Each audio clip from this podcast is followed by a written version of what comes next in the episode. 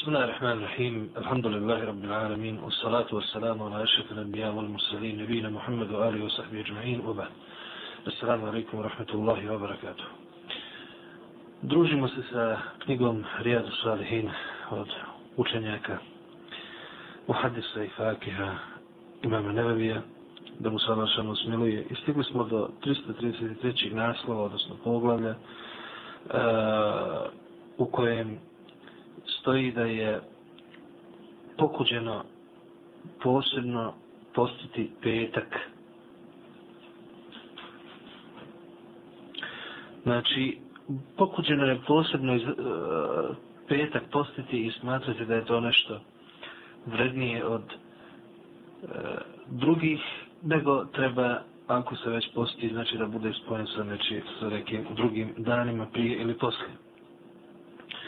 U vezi s tim kaže nam Ebu Hureyre radijallahu anhu da je poslanik sallallahu alaihi wa sallam rekao La te husu lejlete l-đumu'a bi qiyam min bejni l-lajali ولا تخص يوم الجمعة بصيام من بين الأيام إلا أن يكون في صوم يصومه أحدكم رواه مسلم kaže nam Ebu Hureyre da je poslanik sallallahu alaihi wa sallam rekao nemojte klanjati noćni namaz posebno samo petkom, znači odabirati uči petka da klanjamo nešto posebno. Niti posebno izdvajajte džumu, odnosno petak, za post. I postite ga ako bude uobičajeni neki post koji trebate postiti.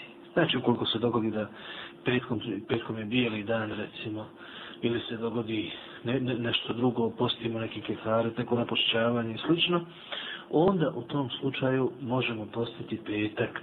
Ali odvojeno i posebno nešto da smatramo vrijednim da postimo petkom, to ne. Isto tako da klanjamo uči petka na, nešto i noćni namaz ili, ili slično, kao što ovdje stoji u hadisu koji zabilježi ima muslim, i to je pokuđeno jer e, ne, ne prenosi se ništa od poslanika sallallahu alejhi ve da bi to da bi tu noć bilo posebno nešto vrijedno učiti ili nešto posebno vrijedno klanjati. Također je od Ebu Hureyre preneseno da je čuo poslanika sallallahu alejhi ve sallam kada je rekao la jesu menna ahadukum yawm al-jum'a illa yawman qablahu aw ba'dahu. Nemojte postiti petak osim ako ćete postiti dan prije ili dan poslije. Ovo su nam prenijeli imami Buhari i Muslim. A Muhammed ibn Abbad kaže nam Sa'altu Jabira radijallahu anhu anaha nabiju sallallahu alaihi sallam an sawmi l-đum'a kale na Upitao sam Jabira, kaže nam Muhammed ibn Abbad Muhammed ibn Abbad da li je poslanik zabranjivao da se posti petkom, znači da se uzme petak i da se posti sam petak. Džabir radijallahu anhu rekao je da. Ovo su nam također prenijeli imami Buhari i Muslim. A umul mu'minin Džuvairije bint Al-Haris radijallahu anha kaže nam da je poslanik sallallahu alaihi sallam uh, eh, ušao kod nje u kuću jednog petka, a ona je postila. Fa kala asunti emsi, pa ju je upitao, jesi li postila juče? Rekla je ne. Kale turidina anta sumi gadan, tada je poslanik reče, a hoćeš li postiti sutra? Kale tla, ona reče ne. Kale fa aftiri. Tada je poslanik sa nam reče, onda prekini post. Ovo nam je prenio imam Buhari u svom sahiju. Svi ovi hadisi koje smo naveli upravo ukazuju na jedno, a to je da ne treba uzimati noć uči petka, niti petak sam za nekakav poseban ibadet koji nije propisan, recimo u ovom slučaju post, ili uči petka da se e, klanja ne, nešto posebno noćni namaz i slično. I toga također razumijemo da, iako je petak najvredniji dan, najodabraniji, e, ne smijemo mi tu da dodajemo ništa od sebe u vezi s tim i da mi smatramo da je nešto pohvalno ili nije, nego treba da se ograničimo na ono što je donio poslanik sallallahu alaihi wa sallam i to je najbolje i najljepši put. Dalje nastavlja nam Nevevi govoriti o pokudama i zabranama u vezi sa postom, pa kaže nam tahrimul visal fi saum, huwa nisuma suma au aksar, wala yakulu wala yashrabu bajnehuma. Zabranjeno je, kaže imam Nevevi, spajati post. odnosno takozvani ervisal. A šta je to, šta se podrazumijeva pod spajanjem? Kaže, to je da čovjek posti dva ili više dana, a da ništa ne jede između toga. Znači da posti jedan dan cijeli, pa kad dođe iftar ne ide ništa, pa posti tu noć, tako dalje, pa ponovo dan jesu. Znači da ništa ne ide, da spoji dva dana ili više, to je ono što je što je zabranjeno, kaže Ibn Nevevi ovdje. A Ebu Hureyre Allah, anhu, je Iša radijallahu anhu, kaže da je poslanik sallallahu alaihi wa sallam zabranio spajati post. Zabranio je visar. Znači zabranio je da čovjek ne iftari, ne iftari uh, u toku noći. Abdullah ibn Umar radijallahu anhu, kaže nam da je poslanik sallallahu alejhi ve sellem također zabranio spajanje posta. Kalu, inneke tu vasil. A sahabi rekoše poslaniku, ali ti spajaš post. Pa je rekao, inni lestu mithlakum. Ja nisam kao vi. Inni ut'amu wa usqa. Ja sam nahranjen, ili ja bivam nahranjen, i bivam napojen, kaže poslanik sallallahu alaihi wa sallam, a ovo su nas uvedežili imami Buhari muslim, a ovo je Buhari na verđa teksta. Znači, iz ova dva hadisa razumijemo da zabranjeno nam je da spajamo dva dana posta i više. Kada su sahabi vidjeli poslanika sallallahu alaihi wasallam da to tako radi, onda su mu rekli tako s namjerom da mu ukažu da su, da su se htjeli povesti za njim i da se želi ugledati na njega. Pa im je onda poslanik sallallahu alaihi sallam rekao da on nije da on nije kao oni. Na šta se to odnosi?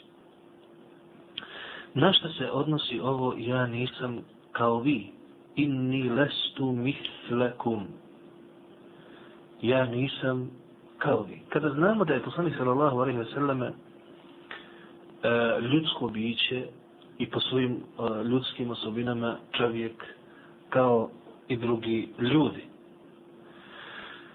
Kažu učenjaci, ovdje riječ misla podrazumijeva potpunu identičnost svemu, a znamo da je u drugim hadisima došlo poslaniku, da je poslanik sallallahu alaihi wa sallam odlikovan nekim stvarima datome je više nego što je ljudima, kao što je snaga recimo i slično. A ako bismo uzeli ovdje da, da se to odnosi na imanski dio, onda naročito uh, taj imanski dio, naravno da je poslanik sallallahu alejhi ve sellem nije kao mi i da je daleko iznad iznad ostalih ljudi. Potom ovdje drugi problem imamo, a to je ja bivam nahranjen i napojen, kaže poslanik sallallahu alaihi ve sellem. U drugom rivajetu kaže se da moj gospodar me nahrani i napoji. Ili kod svoga gospodara budem nahranjen i napojen. Šta to znači? Jer znamo da hrana i piće kvari post. Kako onda da poslanik sallallahu alaihi ve sellem na ovaj način spaja post, a jede i pije? Zato kažu naši učenjaci, to podrazumijeva da to nije ova hrana i piće e, koja se, koju, ljudi, koju ljudi konzumiraju, nego se ovdje odnosi na tu duševnu hranu, taj imanski dio, to naslađivanje sa vezom sa Allahom Đelešanom i sl. Jer u suprotnom to ne bi bilo spajanje posta, nego bi to bilo prekidanje posta hranom i pićem. Allah Đelešanom najbolje zna. U svakom slučaju, Allah da hadisa, e, govori nam o jednom, a to je da je zabranjeno spajati dva ili više dana posta. U nekim rivajetima se napominje da je poslanik dozvolio ashabima da odgode iftar do sehura. To je najviše što im je dozvolio, a i to nije preporučeno što se može vidjeti iz drugih hadisa u kojima je poslanik preporučio da se iftari čim nastupi vrijeme za to, odnosno dolazak sunca. Dalje nastavno imam nevevi govoriti o zabranama i pokudama, ali sada u vezi sa kaburovima. Pa kaže nam brat Tahrimul Đulus ala kabr. Zabranjeno je sjedati na kabur. Ebu Hureyri radijallahu anu kaže nam, kala Rasulullah sallallahu alaihi wa sallam, la an yajlisa ahadukum ala jamrah, فتحفق ثيابه فتخلص إلى جلده خير له من أن يجلس على قبر bolje vam je da sjednete na žeravicu, pa da vam ta žeravica progori odjeću i da vas opeče, znači dođe do vaše kože, nego da sjednete na neki kavor. Ovo nam je prenio Imam Muslim. Znači, hadis u vezi s ovim je jasan i vidimo da poslanik sallallahu alaihi wa sallam govori nam u vezi s tim da je bolje nam sjesti na žeravicu i da nam progori odjeću i da oprži našu kožu, nego da sjednemo na kavor. Ovdje je kavor, znači na odjeću što znači bilo kakav kavor. Dalje kaže Imam Nevi, zabranjeno je također e, kavorove oblagati gipsom i praviti bilo šta na njima. Znači graditi bilo kakve građevine na njima. Džabir radi Allahanu kaže nam da je poslanik sallallahu alaihi ve selleme zabranio korištenje gipsa na kaburu da se sjedi na njima i da se gradi bilo šta na njima. Ovo nam je prenio imam muslim. نهى Rasulullah sallallahu صلى ve sellem an أن يجسس القبر وأن يقعد عليه وأن يبنى عليه. Znači zabranio je troje u ovom hadisu, to je da se koristi e, gips prilikom e, nešto na, na kabru, potom da se sjeda na kabrove, što je bilo i predvodnom hadisu, potom da se gradi bilo šta, bilo šta na njima. Ove tri zabrane govore nam e, i kao što kažu učenjaci i druge, i druge stvari se priključuju ovim, govore nam da je zabranjeno koristiti nekakve te materijale posebne koje bi mogli oblagati, to spada naravno i mermer ili bilo, kak, bilo kakve druge E, bilo kakve drugi materijali kojima se ne, nešto gradi na kaburovima, nego kabur treba da ostane prirodan, da se na njega stavi zemlja koja je iskopana i to je ono što je to je ono što je propisano i što je s čime Allah Đelešanu zadovoljan. A bilo kakva gradnja na, na kaburovima iz ovog hadisa jasno vidimo da je, da je zabranjena. Dalje kaže imam nevevi e, zabranjeno je zabranjeno je zauzimati se za nekoga ako zasluži šerijatsku kaznu. Znači, zabranjeno je posredovati da nad nekim ne bude izvršena zaslužena šerijatska kazna. Kaže Allah šanu, az zanije to zani, fađlidu kulla vahidi min huma mi ete džalda, wa la ta'khudhum bihima ra'fatum fi dini Allahi in kuntum tu'minuna billahi wal yawmil akhir. Bludnika i bludnicu, odnosno bludnicu i bludnika, e, bit ćete se stotinu udaraca bićem i nemoj da vas uzima samilost e, pri izvršenju te kazne ako vjerujete u Allaha i u sudni dan. To se spominje naravno jedna od tih kazni. Kaže nam Aisha radijallahu anha radijallahu anha da su Kurešije bile zabrinute zbog jedne mahzumike, znači žene iz plemra mahzum, koja je bila nešto ukrala. فقالوا من يكلم فيها رسول الله صلى الله عليه وسلم ko će o tome razgovarati, ko će o njoj razgovarati sa Allahovim poslanikom, to jest, ko će posredovati pa da se nad njom ne izvrši kazna jer je bila iz ugledne porodice. فقالوا ومن يجترئ عليه إلا أسامة بن زيد حب رسول الله صلى الله عليه وسلم فكلمه أسامة فقال رسول الله صلى الله عليه وسلم kažu to ne, ne smije niko osim Usama ibn Zaid poslanikov sallallahu alaihi wa sallam miljenik i u istinu Usama je razgovarao sa njim o tome pa je poslanik sallallahu alaihi wa sallam rekao a tešfeu fi haddin min hududillahi ta'ala zar ti da posreduješ da se ne izvrši jedna Allahova kazna ثم قام فاختطب potom je ustao i održao govor ثم قال إنما أهلك الذين قبلكم أنهم كانوا إذا سرق فيهم الشريف تركوه وإذا سرق فيهم الضعيف أقاموا عليه الحد وإم الله لو أن فاطمة بنت محمد صلى الله عليه وسلم سرقت لقطعت يدها Ustava je održao govor i između ostalog rekao ono što je uništilo narode prije vas bilo je to što kada bi ukrao neki plemić, neko plemenitog roda, ostavili bi ga, ne bi nad njim izvršili kaznu. A kada bi ukrao neko ko je slab, ko nije plemenitog roda, izvršili bi nad njim kaznu. Tako mi Allaha da je Fatima Muhammedova kći nešto ukrala, ja bih joj odsjekao ruku, kaže poslanik sallallahu alaihi wa sallam, u ovom hadisu koji su zabilježili imami Buhari i Muslim. U drugom rivajetu stoji fatalahu na vačhu Rasulullah sallallahu Pa je lice Allahovog poslanika promijenilo boju. Zacrvenio se u licu, pa kada je tešfeo fi hadbi min hududillah, pa je onako malo ljutito rekao, zar ti da posjeduješ da se ne izvrši jedna kazna od Allahovih kazni? Kada Usame istagfir li ja Rasulallah, Usame kad je sve to vidio rekao je, zamoli za oprost, zamoli da mi, da mi bude oprošteno Allahov poslaniće, kada thumma amara bi tilke mar'a fa kutijat jeduha. Potom je naredio i toj ženi je bila odsjećena ruka. Danas, nažalost, mnoge nepravde rješavaju se podmićivanjem. Mnoge se stvari koje trebaju biti uspostavljene da bi se stekla Allahova kazna i da bi se uspostavila pravda među ljudima zbog nanesenih nepravdi i, i otetog imetka i slično, rješavaju na taj način što bogati imaju čime da plate i da potplate odgovorne ljude za uspostavljanje pravde i na taj način se to i ne uspostavi, a onaj ko nema i ko je E, takozvani običan čovjek pod znacima navoda, on je taj nad kim se sve to izvršava i nad kim se provodi zakon.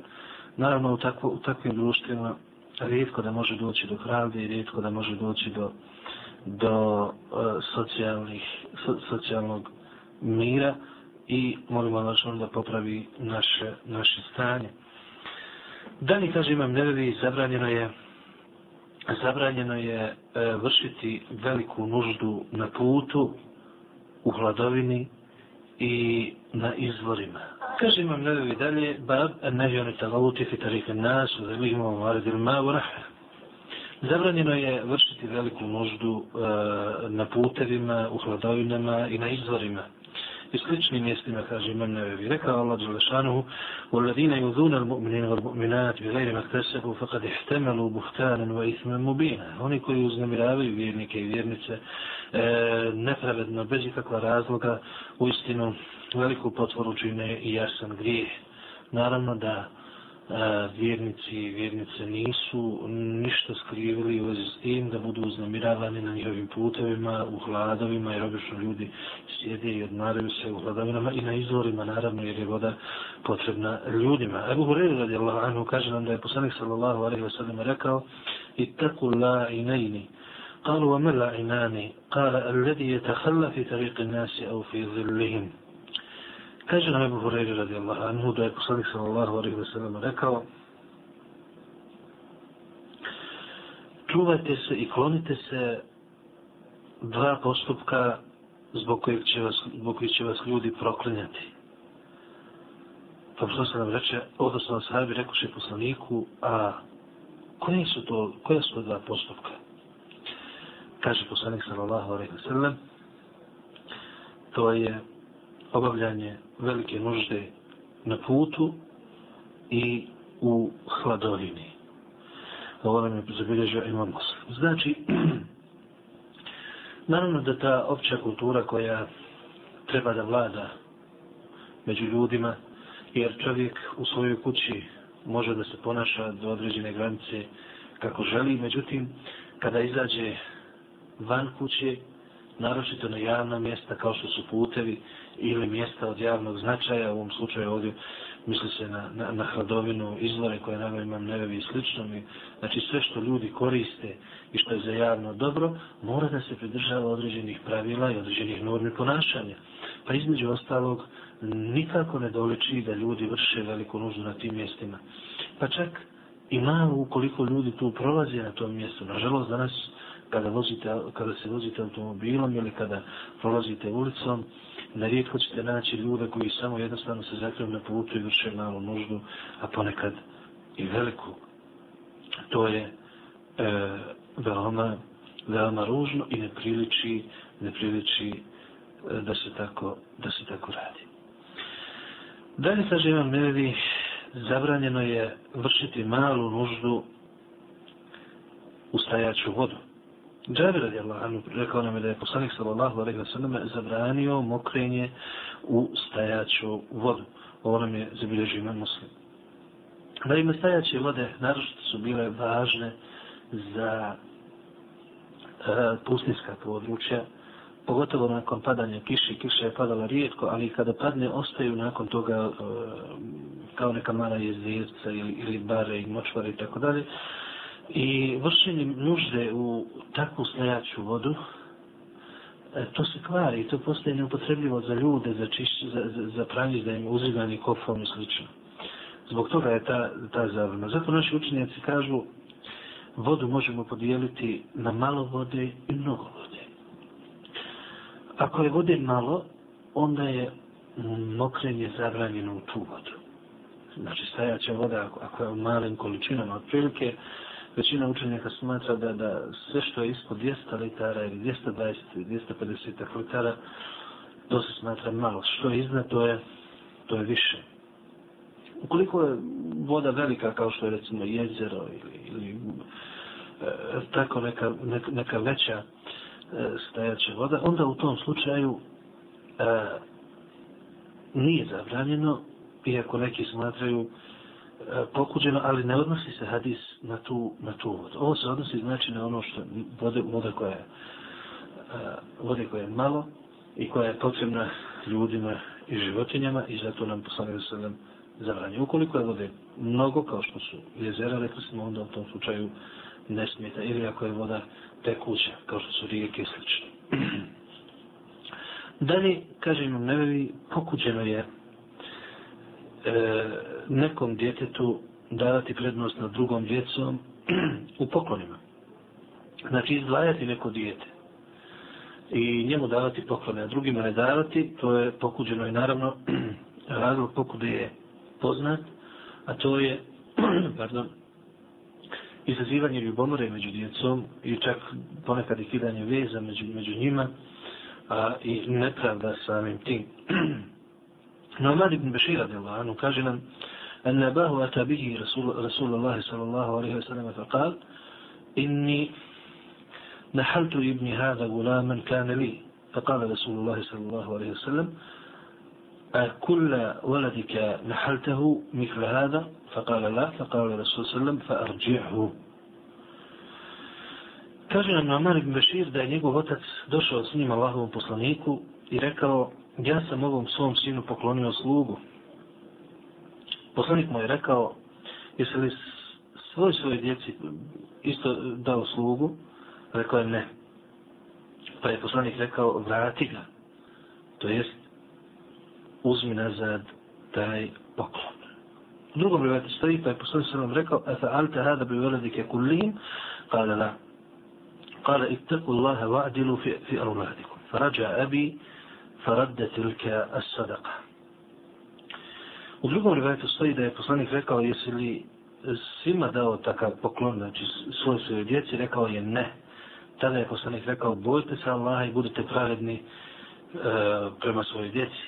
Potom je otac vratio poklon, kaže nam Mamad Bešir, i vratio tu sadaku. U trećem rivajetu stoji da je poslanik rekao ja Bešir, a da kao radim siva hada, Beširu imaš li još djece od ovoga, rekao je da, pa je rekao a kullehum uhabta lahu mifle hada, jesi li im svima poklonio isti poklon, rekao je ne, pa je rekao fala tušhidni, idan fe inni la ašhedu ala džaur. Onda nemoj mene uzimati za svjedoka, jer ja ne želim biti svjedok nepravdi. Znači, U drugim rivajetima se još dodaje da je poslanik rekao e sudruke an yakunu ilike fil birri sawa kale bala kale fala idan bil želio da ti svi budu jednako poslušni rekao je da onda nemoj tako raditi. Svi ovi rivajeti ovog hadisa ukazuju na sljedeće. Prvo zabranjeno je isticati i izdajati neku djecu nad, nad drugom dajući im poklone. E, drugo iz ovoga vidimo da je dozvoljeno vratiti sadaku ukoliko postoji šerijatska smetnja za tu sadaku. Mi smo vidjeli prijedodno u prijedodnim poglavljima hadise koji zabranjuju to. I poslanik sallallahu alaihi wa sallam rekao onaj ko vrati svoj poklon i svoju sadaku i kao, ona, kao pas koji poliže ono što povrati. Znači, vama ružno je tu uporedio taj postupak. I namjerno je koristio tako, tak, takav jedan tako jedno poređenje da bi, da bi pokazao ružnoću tog postupka kad nekom nešto poklonimo ali damo sadaku pa to želimo natrag Ali, ukoliko postoji šerijatski razlog, u ovom slučaju neispravan poklon šerijatski, znači nepravda postoji u njemu, zakinuta su druga djeca i slično, ili se kosi sa nekim šerijatskim principima, onda imamo pravo, i ne samo da imamo pravo, nego smo dužni to e, poništiti i e, postupiti ispravno i pravedno. Dalje, kaže imam nevevi, zabranjeno je ženi da koristi obilježje žalosti nad umrlim duš, više od tri dana, osim za mužem, za kim smije žaliti četiri mjeseca i deset dana. Znači, mi kad govorimo ovdje ihdadul mara, znači, žalovanje žene i tako dalje, mislimo na posebne, misli se na posebne name postupke koje žena koristi kao što je nekorištenje mirisa, ukrasa i tako dalje. A što se tiče tuge u srcu, to je nešto što Allah samo zna kad prestane i kad će prestati i ne govori se uopće o tome. E, žena može za svojim voljenim žaliti e, kao što su recimo otac, majka, sin i slično, može žaliti i godinama, ali što se tiče posebnih nek nekakvih obilježja i postupaka prilikom žaljenja, to može samo tri dana. Nakon toga mora preknuti, osim kada je u pitanju muž i vidjeli smo da imam novi kaže četiri mjeseca i deset dana. Od Zenebe bint Abi Salama radijallahu anhuma preneseno je da je rekla Dahaltu ala ummi Habibata radijallahu anha zauđi nebiji sallallahu alaihi wa sallam hina tufije abuha Abu Sufjan ibn Harb radijallahu anhu فدعت بطيب فيه صفرة خلوق أو غيره أو غيره فدهنت منه جارية ثم مست بعارضيها ثم قالت والله ما لي بالطيب من حاجة. غير أني سمعت رسول الله صلى الله عليه وسلم يقول على المنبر لا يحل لامرأة تؤمن بالله واليوم الآخر أن تحد على ميت فوق ثلاث ليال إلا على زوج أربعة أشهر وعشرة. قالت زينب ثم دخلت دخلت على زينب بنت جحش. رضي الله عنها حين توفي أخوها فذات بطيب فمست منه ثم قالت أما والله ما لي بالطيب من حاجة غير أني سمعت رسول الله صلى الله عليه وسلم يقول على المنبر لا يحل لامرأة تؤمن بالله واليوم الآخر أن تحد على ميت فوق ثلاث إلا على زوج أربعة أشهر وعشرة. تاجنا زينبا أبو سلمنا kći, da je jednom prilikom ušla kod eh, Umu Habibe, radijallahu anha, poslanikove supruge, kada je umro njen otac, Ebu Sufjan ibn Harb, radijallahu anhu. I zatražila je da je donesu miris. Pomiješa miris sa drugim mirisima ili neki drugi sličan miris, kaže eh, prenosilac, nije siguran. I tim mirisom je namazala sluškinu ili djevojčicu neku, potom je ona se namazala njime. Nakon toga je rekla, tako mi Allaha, nemam nikakve potrebe za mirisom. Ovo radim zato što sam čula Allahovog poslanika sallallahu alaihi wasallam kako je rekao i to dok je bio na Mimberi, nije dozvoljeno ženi koja vjeruje u Allaha i u sudni dan da koristi obilježja za umrlim više od tri noći. Osim ako je umrli muž, tada može četiri mjeseca i deset dana. Tada je Zeneba rekla, ušla sam kod Zenebe Džahšove čirke radi Allahu Anha, kada je njoj umro brat, pa je i ona zatražila miris i namazala se njime ili namirisala se njime, pošto su mirisi obično bili tada u tvrdom stanju, bilo prašine i slično, bili praha.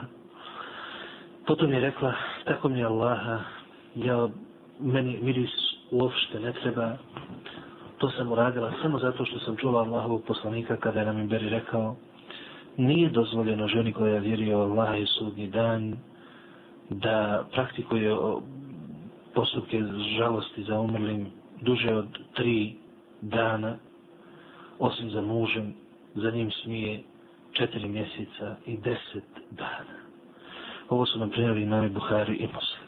Znači vidimo iz ovog hadisa koji je jasan da potpuno je podudaran sa naslovom i žena ne bi trebala da koristi obilježja za umrlim, kad kažemo obilježja, znači da ne koristi miris, ukrase, nakite, slično.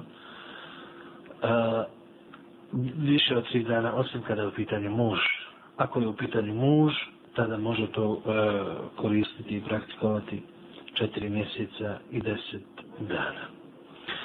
Dalje, kaže Imam Nevevi, zabranjeno je da osoba iz naseljenog područja kupuje, odnosno prodaje osobi koja je iz pustinje, znači Beduin, i da se presreću trgovci i da se kupuje, odnosno prodaje kada već neko je u toku kupo prodaje. Također je zabranjeno e, zaručivati djevojku kada, kada je već neko zaprosio, osim da onaj ko je zaprosio da dozvolu za to ili da bude odbijen. Znači ovdje nam govori o četiri, četiri mesele, četiri pitanja, pa da vidimo hadise u vezi s tim. Kaže nam Enes radijallahu anhu da je poslanik sallallahu alaihi wa sallam zabranio da osoba koja stanuje u naseljenim područjima kao što su sela i gradovi prodaje e, osobi, odnosno ili kupuje od osobe koja je beduin ili živi u pustinji. Pa makar mu to bio brat od oca i od majke, kaže se u ovom hadisu, kojeg su zabilježili imami Buhari i Muslim. Šta je razlog tome? Razlog tome je, kaže učenjaci, što ljudi koji su beduini ne poznaju, ili ljudi koji nisu u tim naseljenim područjima ne poznaju cijene, kako se kreću. I mogućnost prevare je velika. Znači, postoji mogućnost da ljudi koji su u naseljenim područjima uh, presretnu ih i onda im robu prodaju po nižoj cijeni, odnosno uh, po višoj. A Abdullah ibn Umar radijallahu anhu kaže nam da je poslanik sallallahu alejhi ve sellem rekao la tatalaqu السلعة حتى يهبط يهبط بها biha ila al-aswaq. Nemojte presretati trgovce sve dok njihova roba ne dođe do pijaca, do, znači dok ne dođe na pijace, nemojte to presretati. Razlog je isti. Naime, da bi svi imali pristup i dostupnost a, toj robi i da ne bi bilo prevare u tim cijenama, treba pustiti da roba dođe, siđe na tržište i onda tek pristupiti kupo prodaje. A bila jedna ambasa de lanuma, kaže nam da je poslanik sallallahu alaihi sallam rekao, la te te lakavu rukban, wala jebi hadirun libad, pa kada lehu taus, ma la jebi hadirun libad, kada la jekunu lehu samsaran. Kaže nam bila jedna ambasa, radijallahu anuma, da je poslanik sallallahu alaihi wasallam rekao, nemojte presretati trgovačke karavane i nemojte da prodaje one koje je u naseljenim područjima beduinima, pa je Tavus jedan od e, prenosilaca upitao šta znači to da ne, da, da ne kupuje i ne prodaje, odnosno taj koji je nas, u naseljenim područjima beduinima, pa je rekao da ne bi bio njegov e, njegov kao preprodavač, da on uzme robu pa proda skuplje i slično, nego da dođe roba na tržište i da i ovi okoriste se onoliko koliko mogu. A Ebu Hurire radi Allahanu kaže nam da je poslanik sallallahu alaihi wa sallam rekao, odnosno zabranio, da onaj ko je u naseljenim područjima vrši ko prodaju sa tim beduinima dok, dok ne dođu i rekao je vrate nađešu wala je bija ređuru ala beje jahihi wala jahtubu ala hitbeti jahihi wala tesaru l-mar'ata talaka uhtiha eh, li tekfa ma fi inaiha i nemojte podizati robu cijeni tako što govorite da je hoćete kupiti, a nećete. I neka čovjek ne prodaje, odnosno kupuje kada je neko drugi već ušao u tu robu. Znači, ako neko već razgovara i pregovara o kupoprodaji, nema pravo drugi da se miješa tu. I nemojte a, prositi djevojku koju je već neko isprosio pa još ne zna odgovor, očekuje i neka druga žena ne, ne, ne traži, ne uslovljava da, da, da, da njena sestra bude razvedena kako bi prosula ono što je u njenoj posudi, tako kaže prosalam, a misli se naravno na e, to što bi time izbila njenu na faku tako što će izgubiti skrbnika o njoj. U drugom rivajetu stoji da je poslanik sallallahu alaihi wa sallam zabranio da prodaju muhađiri beduinima, da žena uslovljava, znači da, da bude druga žena uslovljava razvod prvi i da čovjek se pogađa i cijenka za robu koju već, o kojoj već drugi čovjek pregovara i zabranio je neđeš i tesrije. Neđeš to je da čovjek kupuje robu, odnosno podiže cijenu robi, a ne želi je kupiti, samo da bi naštetio kupcu ili pomogao prodavcu na im. A tesrije, to je da se zadržava mlijeko u stoke, tako da njeno ime bude veliko i izgleda veliko prilikom kupoprodaje, a onda kada se izmuze, ono bude puno manje kada se redovno muze. To je tesrije, to je zabranjeno. Ne, pusti se da nekoliko dana ili nekoliko e, koliko već to može, pre, preskuči se nekoliko tih reda i onda njeno vime izgleda veći, naravno veća je cijena, međutim kada čovjek dođe kući i kada pođe redovno musti tu životinju, ovcu ili kravu slično, onda vidi da to nije njeno pravo stanje da je prevaren, da ona daje mnogo manje mlijeka. I to je poslanik sallallahu alaihi wa sallam zabranio. U drugim hadisima se spominje da je takvu, takvu životinju poslanik sallallahu alaihi wa sallam e, rekao i propisao da može osoba koja je prevarena da je vrati ili može da i ako je vrati mora dati pregršt hurmi jedan ovako u dvije ruke mora pregršt hurmi sa njom za njegov koje, koje je koristio ili jednostavno da se, da se složi s tim. A Abdullah ibn Umar radijallahu anhu kaže nam da je poslanik sallallahu alejhi ve sellem rekao la yabi ibadukum ala bay'i ibad wa la yakhtub ala khitbati akhihi illa an ya'zana lahu. Nemojte uplitati se u kupoprodaju kada već o njoj se pregovara, znači ako je neko ušao u to i pre, vodi pregovore u s nekom robom, da se ne miša i neka ne prosi djevojku koju već je neko zaprosio, osim ako mu taj prosac dozvoli. Znači ukoliko dozvoli, tada, tada može. I naravno drugi slučaj kada može jeste kada bude odbijen i zna se da je odbijen. A u kojoj navira radi Allah, on kaže da je poslanik sallallahu alaihi sallam rekao al mu'minu ahu al mu'min fala jahillu li mu'minin ibta'a ala bi ahihi wa la jahtubu ala khitbati ahihi hatta jadar Kaže nam da je poslanik rekao vjernik je vjerniku brat i nije dozvoljeno vjerniku da prodaje a, kada već njegov brat prodaje, znači da kaže nemoj njegovu robu, evo moja roba je moja jeftinija i tako dalje, upliče se znači u drugu poprodaju i nije dozvoljeno da prosi djevojku koju je isprosio, koju je prosio njegov brat, dok ne ostavi tu djevojku. Znači tek kada ostavi ili odnosno bude odbijen ili mu dozvoli, tada u tom slučaju može. Da is, da je prosi, Allah najbolje zna. Zabranjeno je rasipati metak i trošiti ga u zabranjene stvari. Ebu Hureyri radi Allah anu kaže nam da je poslanik sallallahu alaihi sallam rekao inna Allah ta'ala la yarda inna Allah ta'ala yarda lakum thalasa wa yakrahu lakum thalasa فيرضى لكم فيرضى لكم أن تعبدوه ولا تشركوا به شيئا وأن تعتصموا بحبل الله جميعا ولا تفرقوا ويكره لكم قيل وقال وكثرة السؤال وإضاءة المال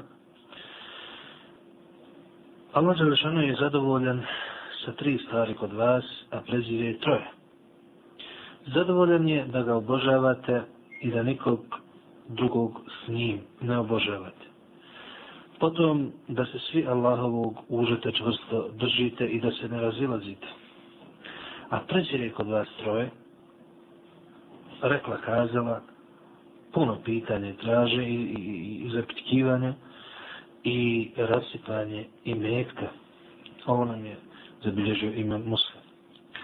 A Varad Katib al-Mughira ibn Šu'ba rekao je Amla alej al-Mughira fi kitab إلى معاوية رضي الله عنه أن النبي صلى الله عليه وسلم كان يقول في دبر كل صلاة مكتوبة لا إله إلا الله وحده لا شريك له له الملك وله الحمد وهو على كل شيء قدير اللهم لا مانع لما أعطيت ولا معطي لما منعت ولا ينفع ذا الجد منك الجد.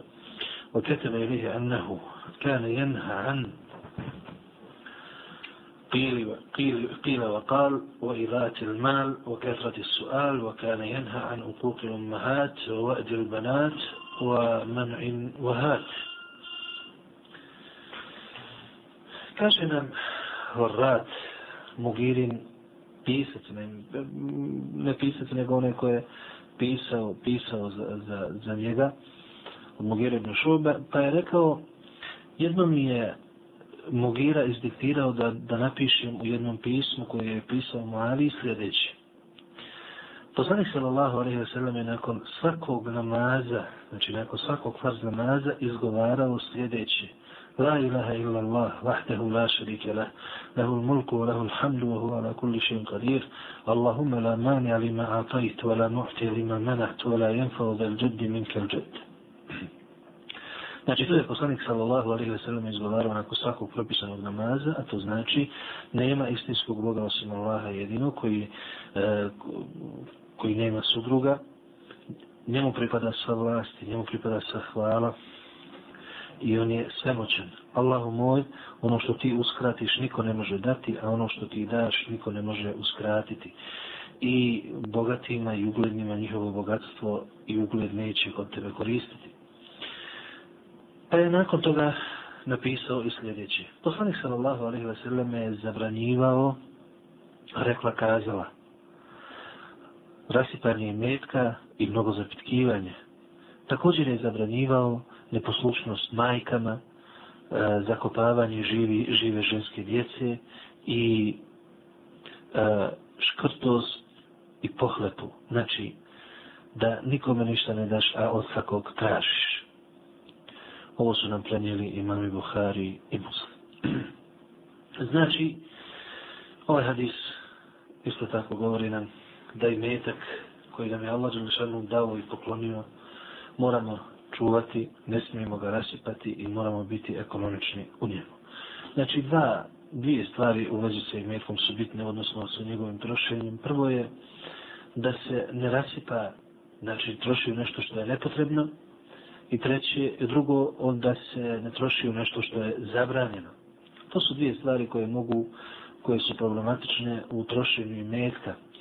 Naravno, prvo smo dužni voditi računa odakle taj metak kako ga zarađujemo, a onda smo dužni vodi se došlo na tome gdje ga i u što trošimo. Pa, ovo su dvije stvari koje trebamo voditi računa, o kojima trebamo voditi računa prilikom trošenja metka, da to ne bude rasipanje i drugo, da ne bude da ne bude znači u nešto što je zabranjeno trošenje. Dalje kaže vam nevi, zabranjeno je upirati oružje u muslimana, kao što je nož, sablja i slično, svejedno bilo to u zbilji ili u šali, i zabranjeno je nositi isukanu sablju. Znači da čovjek ide ulicom i nosi isukanu sablju. Ebu Hureyre radijallahu anhu kaže nam da je poslanik sallallahu alaihi sallam rekao La yushir ahadukum ila ahihi bi silah fa innahu la yadri la'alla šeitana yanzi'u fi yadi fa yaqa fi hufrati fi hufratin min an-nar. Nemojte upirati oružje u svoga vrata jer ne znate možda šeitan uh, pomjeri ruku i ta, na taj način padne u provaliju džehennemsku. Znači ovo su nam prenijeli imami Buhari i Muslim. A u muslimom rivajetu stoji da je poslanik sallallahu sallam rekao men ašara ila fihi bi hadida fa inna l-malaikata tal'anu hatta jenzi'a wa in kana ahahu li jebihi wa umme. Ko uperi sablju ili nož ili nešto u svoga brata, znači muslimana, meleci ga proklinju sve dok ga ne skloni pa makar mu to bio brat po majici i ocu. A Džabir radijallahu anhu kaže nam da je poslanik sallallahu alaihi wa sallam zabranio da se nosi i suka na sablja. Ovo su napravili Abu Bavu, Tirmizi i Greko da. Znači, svi ovi hadisi govore o preventivnim zabranama da ne bi nekoga povrijedili, da ne bi mu nanijeli štetu, ugrozili njegov život i zdravlje i tako dalje. Naravno, ovdje govori se o sabljama, nožama, zato što je to bilo u vrijeme, zato što je to bilo u, u to vrijeme oružje koje je povređivalo ljude. Danas mi možemo govoriti o raznim, raznim tim e, napravama, eksplozivnim e, oružjem i slično, pogotovo posle rata, treba voditi računa o tome da e, to se ne koristi, da se na neki način uskladi e, sa zakonom. Naravno što djeca danas i djeca se igraju sa pištoljima i slično i sve su češće povrede e, djece pa i, i odraslih i slično u vezi, u vezi sa tim. Znači ne treba se, nije dozvoljeno vidimo sa tim ni šaliti se, niti ozbiljen, niti ozbiljen e, to raditi. Dalje kaže imam nevevi pokuđeno je izaći iz džamije nakon ezana, osim ako za to postoji potreba, dok se ne klanja fars. I u nastavku imam nevevi govori o zabranama u vezi sa džamijama, a mi ćemo o njima nakon kratke pauze i jedne glahe. Zabranjeno je ili pokuđeno je izlaziti iz džamije nakon ezana prije klanjanja namaza, osim ako za to postoji potreba. O potreba. Evo šafa rekao nam je kunna qu'udan ma Abi Hurajra radijallahu anhu fi al-masjid fa adhana al-mu'adhdhin fa qama rajul min al-masjid yamshi فأتبعه أبو هريرة بصره حتى خرج من المسجد فقال أبو هريرة أما هذا فقد عصى أبا القاسم صلى الله عليه وسلم Sjedili smo jednom prilikom sa Ebu Hureyrom u džamiji i mu jezin je proučio ezan. Neki čovjek ustade i krenuo iz džamije.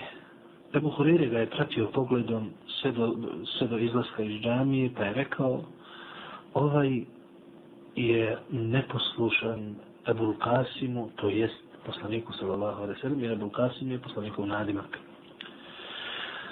Znači, Ebu Hureyre s ovim želi reći da je poslanik sallallahu alaihi sallam zabranio ili pokudio izlazak iz džamije prije, kada se prouči ezan, prije nego što se klanja fars. Naravno, vidjeli smo da imam nevevi u naslovu kaže, ako za to postoji potreba, onda nije pokuđeno. Kako to može biti potreba? Potreba može biti obnavljanje abdesta. Potreba može biti, recimo, u današnje vrijeme da se pomjeri automobil ukoliko se ne treba ostalim, ostalim ljudima ili neka, nešto drugo da se uradi što je nužno prije klanjanja farz namaza. Dalje, pokuđeno je odbiti miris bez potrebe. Ebu Horeira radi Allah, anu kaže nam da je poslanik sallallahu alaihi sallam rekao Men urid alaihi eh, rajhan, fala je rudda, fa inno hafifu mahmil, tajibu rih.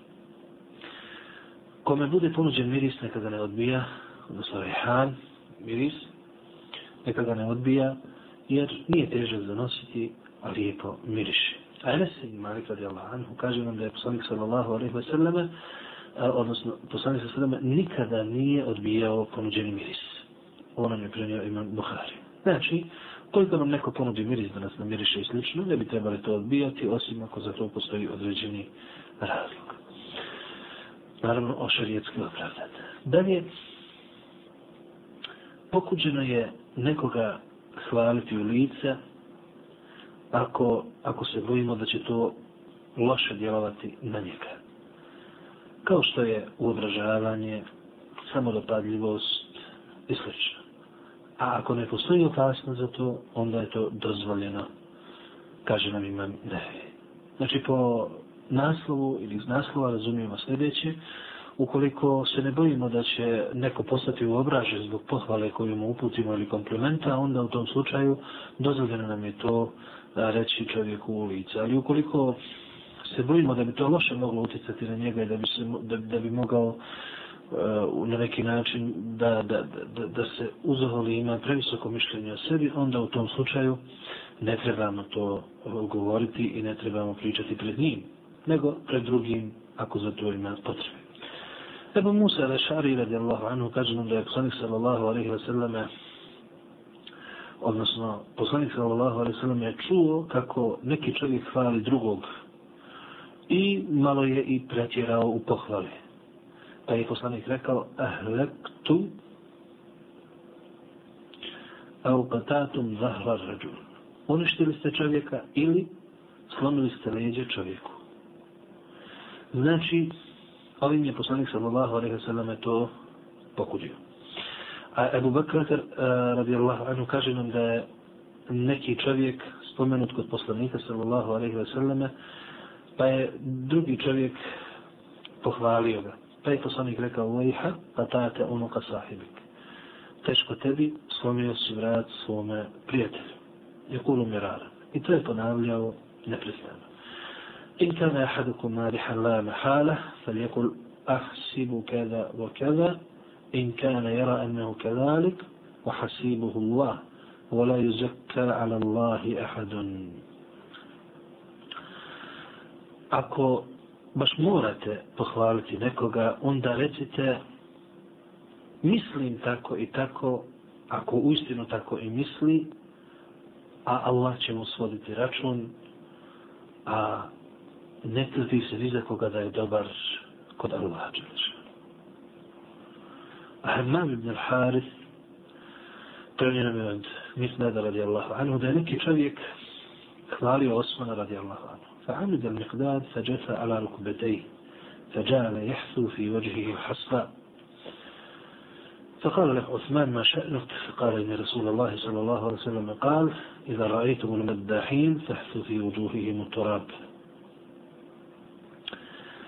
Kaže nam Hammam da je Mikdad, znači neki čovjek pred Mikdadom počeo hvaliti Osmana, a Osman je vjerovatno tada bio halifa, da je Mikdad sjeo na koljena i uzeo šaku prašine i pred licem tog čovjeka je prosuo.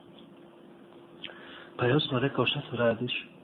Pa je rekao, čuo sam poslanika, sallallahu alaihi wa sallam, da je rekao, kada vidite one koji mnogo hvale i izreču hvalospije pred njihovim licem ili u njihovo lice prospite prašinu. Naime, ne misli se kao kažu učenjaci ovdje da se u njihovo lice baci prašina, nego pred njihovim licem da se baci prašina e, kako bi se simbolično pokazalo da sve su ljudi u stvari od prašine stvorene od zemlje i da ne treba pretjerivati u pohvali, naročito pred njima.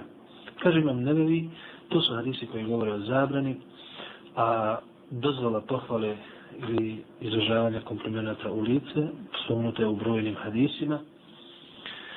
I kažu učenjaci, te hadise spajamo tako što kažemo, ako ono, onaj koga hvalimo je potpunog imana, ima čvrsto ubjeđenje i odgojene je duše i zna potpuno E, svjestan je znači sve što bi ga moglo odvesti u smutnju i neće ga to zavarati i neće, neće postati igračka u rukama šeitana, onda u tom slučaju nije to zabranjeno niti pokuđeno. Ali ukoliko postoji bojazan da bi ga moglo zadesiti nešto od spomenutog, onda je to pokuđeno. I to veoma jako pokuđeno. Tako ćemo na taj način shvatiti hadise koji govore različito o toj temi. A od hadisa koji govore od, od, od, od dozvoli pohvale u lice je hadis koji je poslanik sallallahu alaihi wasallam rekao Abu Bakru radijallahu anhu ardu an takuna minhum ja se nadam da ćeš ti biti od onih dženetlija koji, kojima će biti koji će biti pozvani sa svih džennetskih vrata. A u drugom hadisu rekao je Ebu Bekru, leste minhum ti nisi od onih koji spuštaju svoju odjeću e,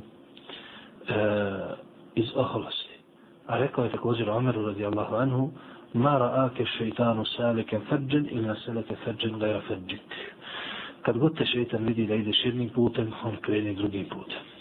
I brojni su drugi hadisi koji govore u vezi sa dozvolom, a neki su već spomenuti u mom dijelu Aleskar ili Zikrovi koja je i prevedena na bosanski jezik, kaže nam imam nevevi.